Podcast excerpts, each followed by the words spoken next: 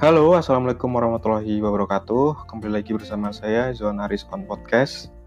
Di episode kali ini, di episode ke-7, saya ingin berbagi tentang uh, bagaimana memilih sebuah smartphone atau ponsel pintar yang sesuai dengan kebutuhan kita. Nah, dalam episode kali ini, tentunya saya ingin berbagi tentang hal-hal yang perlu kalian ketahui sebelum kalian menentukan untuk membeli sebuah smartphone. Nah, pada artikel yang pernah saya tulis di minggu ini, yaitu tanggal tepatnya tanggal 27 Oktober 2018, itu kalian bisa baca di zonarispribadi.com. Uh, saya membuat sebuah posting yang berjudul empat hal yang harus Anda ketahui sebelum membeli sebuah komputer. Nah, smartphone itu juga sama seperti halnya komputer, cuman bentuknya lebih kecil daripada komputer. Dan punya fitur atau fungsi yang ya sedikit berbeda tapi uh, kurang lebih hampir sama.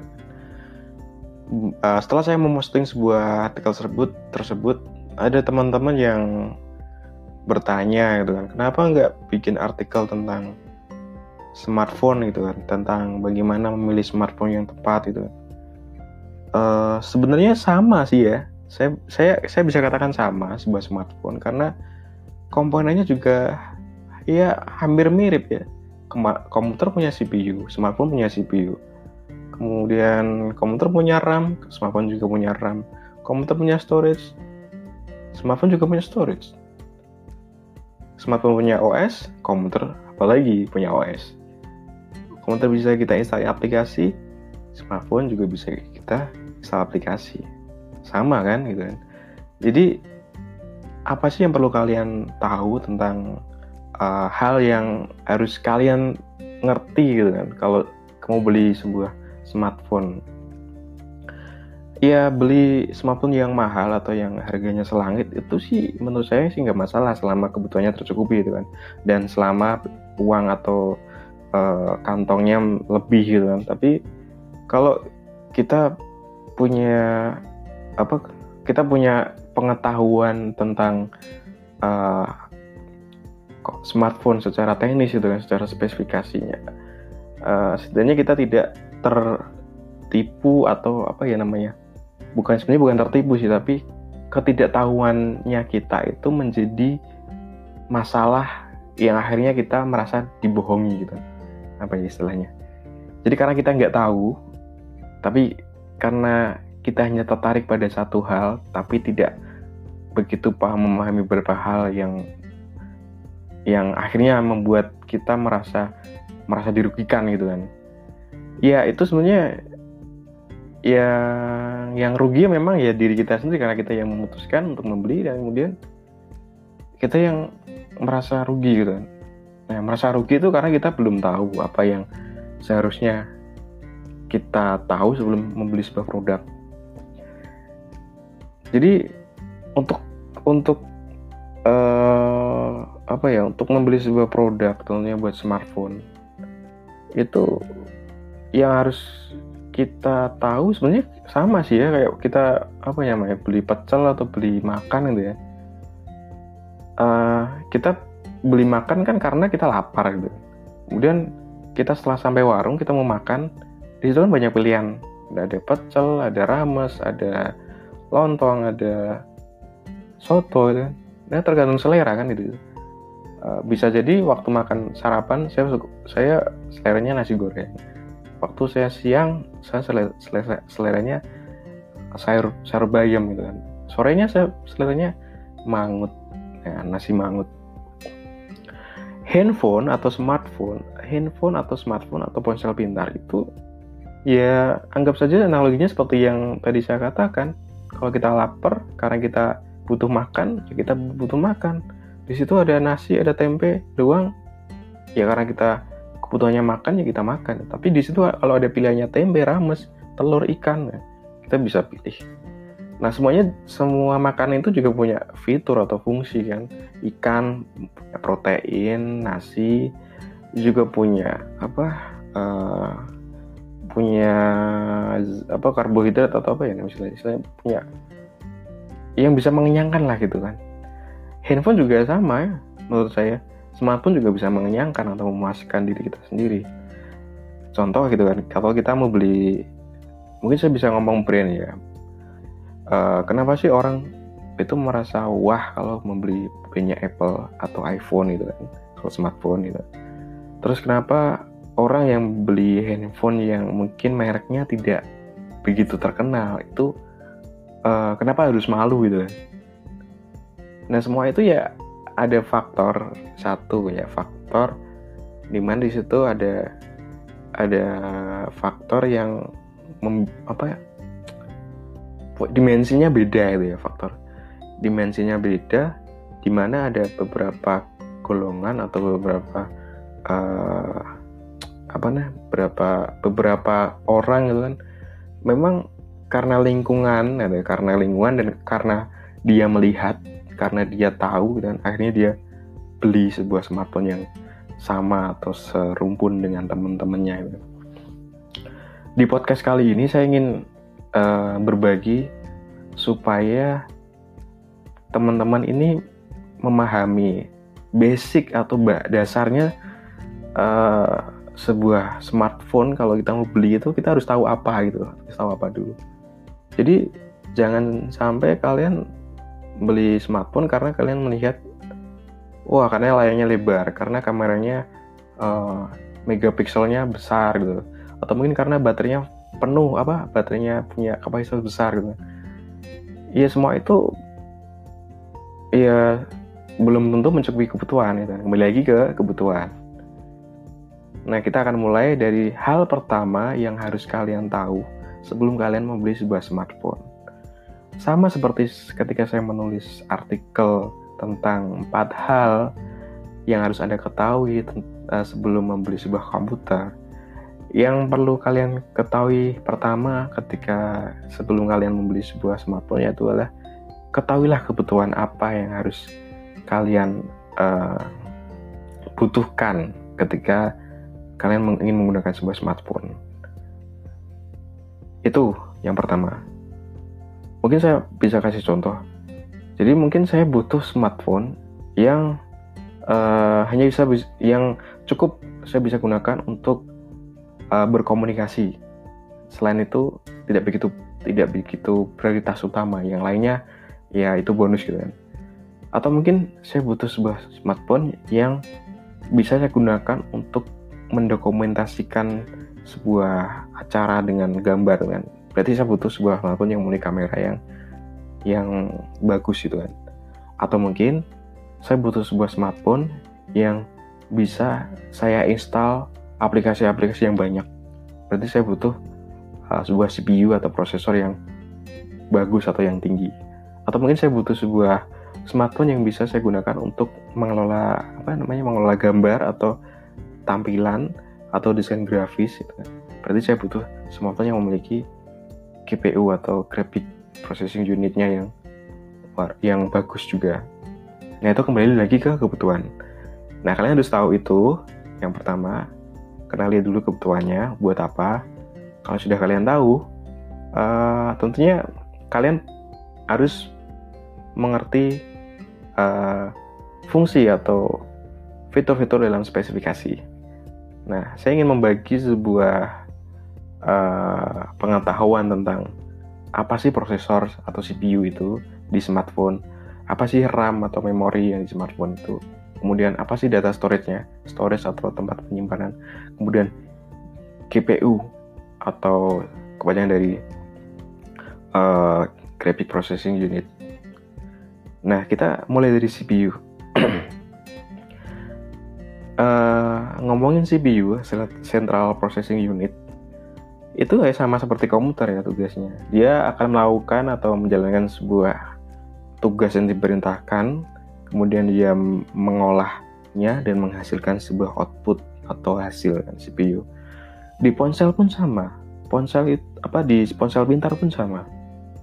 Di smartphone itu diinstal sebuah aplikasi, umumnya menggunakan Android itu kan. Sistem operasi itu menjalankan beberapa tugas bersamaan seperti halnya kita menjalankan SMS kemudian di situ juga ada notifikasi atau mungkin ada media sosial yang jalan di situ Nah, prosesor itu akan membagi uh, membagi otaknya, istilahnya membagi pikirannya, taskingnya, gitu kan. Jadi pekerjaan-pekerjaan dibagi dan uh, ketika pekerjaan itu atau otaknya itu masih mampu untuk mengerjakan tugas, ya handphone atau ponsel pintar itu ya bisa mengerjakan perintah itu kan. Tapi kalau selama otaknya kurang, apa otaknya kurang, CPU-nya sudah mentok gitu kan atau usage-nya sudah penuh, kalau kita menjalankan aplikasi lain yang pastinya ya ya, ya error hang gitu kan. Dia nggak bisa ngapa-ngapain ya atau mungkin uh, lebih parahnya restart gitu. Kan. Nah, CPU ini ada macam-macam. Ada mungkin kalian pernah dengan Qualcomm uh, Qualcomm Snapdragon Nvidia Tegra OMAP 3 atau Cortex A9 atau yang lainnya itu banyak produsennya tapi fungsinya sama mengol mengolah sebuah atau menjalankan perintah yang diberikan oleh uh, user untuk mengolah sebuah sistem atau sistem operasi. Nah, yang kalian perlu tahu selanjutnya adalah memori. Komputer juga punya memori. Ponsel pintar juga punya memori kan. Jadi memori itu apa sih? Biasanya uh, kalau kita ngomong memori itu kadang sering salah paham ya. Jadi memori ya bisa memori internal atau eksternal atau mungkin memori handphonenya tuh kan. Nah di sini yang saya maksud memori adalah RAM-nya. Jadi RAM uh, random access memory. Itu kepanjangannya. Jadi RAM itu digunakan untuk uh, jadi dia uh, menyimpan data itu sementara atau kalau di handphone atau di sponsor kalian pernah lihat itu ada case atau case kaca ya? Kaca ya. Nah catch ini catch, catch ini untuk menjalankan sebuah aplikasi di mana ketika kita membuka sebuah aplikasi uh, aplikasi itu akan uh, membutuhkan sebuah uh, memori atau penyimpanan yang bisa dieksekusi langsung oleh prosesor. Jadi prosesor itu akan mengakses memori RAM dulu. Ketika sudah tidak diakses, memori itu akan dihapus atau di clear dan akhirnya dia bisa menjalani lebih cepat karena uh, hubungannya RAM dengan CPU itu si RAM ini akan ngasih data-data dan dan data-data itu yang bisa dikonsumsi oleh CPU secara lebih cepat dibanding dia harus membacanya lewat eksternal uh, storage seperti micro SD atau mungkin uh, kepingan kepingan CD atau apa USB flash disk itu kan. Jadi memori ini digunakan untuk sistem untuk membaca atau menyimpan aplikasi sementara, mem, apa menyimpan memori sementara untuk menjalankan sebuah aplikasi. Nah, ketika memori ini memiliki kapasitas yang besar, otomatis ketika kita menjalankan sebuah aplikasi, itu ya akan terasa cepat gitu kan. Jadi terasa lebih ringan gitu kan.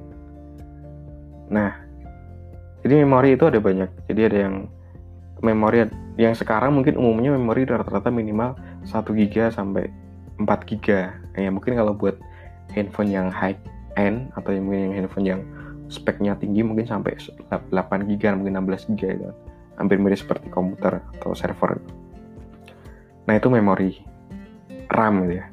Kemudian data storage atau uh, lebih tempatnya kapasitas penyimpanan sebuah handphone itu kan sekarang kan ada yang kalau kalian lihat di handphone itu ada spesifikasi uh, storage 16 GB, 33, 32 GB, 256 GB, mungkin sekarang ada yang sampai 512 GB. Nah, itu adalah memori yang kita simpan yang bu, yang dapat kita gunakan untuk menyimpan data-data seperti kita menyimpan foto, kita menyimpan musik, kita menyimpan uh, aplikasi instalan gitu kan itu ada di data storage. Dan data storage ini bis, kadang bisa ditambahkan sebuah external memory atau yang biasanya kita sebut dengan uh, micro SD kita kita pasang di handphone untuk menambah kapasitasnya. Tapi secara performa itu akan lebih cepat mengakses internal data storage-nya daripada mengakses sebuah micro SD. Nah ini yang mungkin kalian perlu tahu ya. Selanjutnya yang terakhir adalah GPU atau Graphic Processing Unit. Kalau yang tadi Central Processing Unit itu adalah mengolah sebuah sistem operasi atau mengolah sebuah perintah atau instruksi. Kemudian yang GPU ini akan lebih uh, khusus untuk bertugas mengolah sebuah tampilan seperti kita memotret atau memfoto gitu. Foto itu kita uh, tampilkan di sebuah layar handphone atau kita merekam sebuah video kemudian atau mungkin kita menjalani sebuah aplikasi game yang di situ membutuhkan apa namanya uh, animasi atau 3D yang butuh resolusi yang tinggi kan. Nah di sini uh, tugasnya si GPU atau tugasnya si graphic processing unit itu melakukan pekerjaannya. Nah mungkin empat ini aja yang sudah yang perlu kalian tahu. Jadi tidak perlu wah apa namanya tidak perlu banyak-banyak. Cukup ini adalah inti dari utamanya sebuah uh, sebuah perangkat atau sebuah komponen yang yang ada di dalam smartphone. Empat komponen ini yang mungkin menjadi dasar kalian untuk bisa uh, menentukan kebutuhan. Nah, selain itu seperti material desain atau desainnya sendiri atau uh, produk atau bentuknya sebuah produk atau smartphone itu itu selera. Warna juga selera. Jadi banyak apa ya uh, harga yang apa harga yang tinggi itu belum tentu menentukan kualitas jadi harga yang harga yang mahal itu belum menentukan kualitas itu semuanya kembali ke kebutuhan. Nah uh, saya mungkin kasih contoh beberapa uh, tipe-tipe orang yang membeli smartphone. Tipe yang pertama dia nggak tahu apa-apa. Dia hanya melihat uh, bungkusnya atau hanya melihat presentasinya sebuah produk. Mungkin karena dia melihat warnanya bagus atau desainnya menarik atau mungkin karena uh, iklannya banyak, akhirnya dia membeli sebuah produk itu. Tipe yang kedua, karena dia perhitungan, artinya dia uh, budgetnya apa, apa namanya? Dia menentukan sebuah ingin membeli sebuah smartphone tapi dia patokannya adalah budget karena dia melihat uh, karena budgetnya mungkin hanya segitu dia melihat nih semuanya semua apa namanya semua brand atau produk smartphone kemudian dia bandingkan dan harganya yang dengan harga yang sama itu baru mereka baru dia putuskan nah tipe yang terakhir ini tipe yang selektif jadi dia menentukan dulu kebutuhannya. Contoh saya butuh sebuah smartphone yang bisa saya gunakan untuk mendokumentasikan apa namanya video atau atau gambar dan juga saya bisa gunakan untuk uh, sharing atau berbagi media itu kan di, di media sosial ataupun berbagi device atau di, berbagi di device yang lain. Nah orang ini yang selektif ini dia akan prioritaskan pada fitur atau pada salah satu fungsi spesifikasi yang tadi saya sebutkan ada empat. Ya, di situ yang pertama mainnya dia mungkin akan membutuhkan sebuah storage yang besar karena dia akan membutuhkan untuk mendokumentasikan sebuah uh, video atau gambar. Yang kedua mungkin dia akan membutuhkan sebuah GPU yang memiliki uh, apa namanya uh, frekuensi atau memori yang yang bagus karena dia harus mengolah video atau mengolah sebuah grafis atau tampilan. Nah, kemudian RAM, memo memori RAM atau CPU mungkin akan menjadi prioritas utama, prioritas kedua. Nah, selama kebutuhan yang pertama dia terpenuhi, dia akan dia akan mencocokan kebutuhan yang lainnya menjadi nomor dua. Seperti warna, tampilan, desain itu mungkin jadi pertimbangan nomor dua. Nah, si selektif ini dia akan mencari spesifikasinya dulu. Dia akan melihat dari semua sekian banyak brand itu dia akan membandingkan mana sih yang akan memenuhi kebutuhan saya dari situ uh, setelah yang tadi empat komponen tadi terpenuhi dia akan berpikir tentang material atau komponen yang apa uh, material yang digunakan smartphone itu kalau kalau kalau dia ingin menggunakan smartphone itu di outdoor atau mungkin dia butuh uh, smartphone yang kuat, dia akan pasti akan mencari sebuah uh, smartphone yang didesain dengan material atau sebuah uh, bahan yang bagus dan kualitas yang baik. Tentu saja harganya juga ngikutin kan. Kemudian atau mungkin kalian nggak butuh tampilan yang bagus gak perlu material yang bagus yang penting speknya oke okay, ya udah kalian bisa kalian uh, bisa tentukan di awal tadi aja empat komponen itu kalau sudah memenuhi kebutuhan ya udah tampilan desain atau material itu ya udah nggak nggak perlu jadi pertimbangan. Nah itu yang mungkin bisa saya yang bisa saya sharing. Nah, tapi memang sih ya banyak sekali teman-teman ini membeli sebuah komputer karena budget karena pengen ya karena teman saya belinya itu ya saya ngikutin. Karena teman saya belinya itu belinya si A ini si A B itu karena si B ngomongnya bagus ya udah saya beli yang bagus juga. Atau mungkin karena oh karena iklannya banyak ya. Karena iklannya banyak akhirnya saya beli. Karena karena iklannya banyak saya beli. Nah itu artinya kita teracuni oleh iklannya. Nah hal-hal seperti ini itu simpel dan teman-teman harus tahu hal-hal yang tadi saya sebutkan supaya kalian bisa uh, merasa terpuaskan dan merasa tercukupi atas kebutuhan dari sebuah fit apa smartphone dan ponsel pintar. Nah, empat hal itu sebenarnya ya sama seperti yang saya sharing yang di minggu kemarin ya. Jadi smartphone dan komputer itu ya sebenarnya bersaudara ya sama-sama. Cuman dasarnya dasarnya komputer itu kan gede gitu kan buat bekerja. Smartphone itu kan yang secara secara penggunaan mobilitas tinggi ya. Bisa kita bawa ke mana-mana itu. Ya mungkin itu saja yang mungkin saya bisa sharing. Semoga hal ini bisa membantu teman-teman yang ingin yang ingin membeli sebuah smartphone. Tidak perlu yang mahal yang penting cukup mem, apa yang penting cukup untuk memenuhi kebutuhannya kita selama kebutuhan kita tercukupi otomatis tidak masalah. Tapi kalau kita selain hal yang tadi ya maksudnya saya, sebutkan secara teknis tapi ada hal non teknis ya contoh katakanlah uh, saya butuh handphone itu hanya untuk meningkatkan uh, personal branding atau supaya saya bisa dipercaya dengan itu beda lagi ceritanya. Jadi memang ada satu satu apa ya satu pekerjaan yang memang harus menampilkan gadget-gadget yang high end gitu, supaya si klien itu tertarik ya. Jadi sebagai contoh seorang marketing dia bertemu dengan uh, calon pelanggan ketika marketing marketing itu menawarkan sebuah produk dan dia menggunakan ya setidaknya uh, handphone yang bagus, mobil yang bagus, kemudian penampilan yang bagus, otomatis dari pertama dia datang ke tempat pelanggan, pelanggan itu sudah merasa wow, handphonenya keren, oh iya mobilnya keren.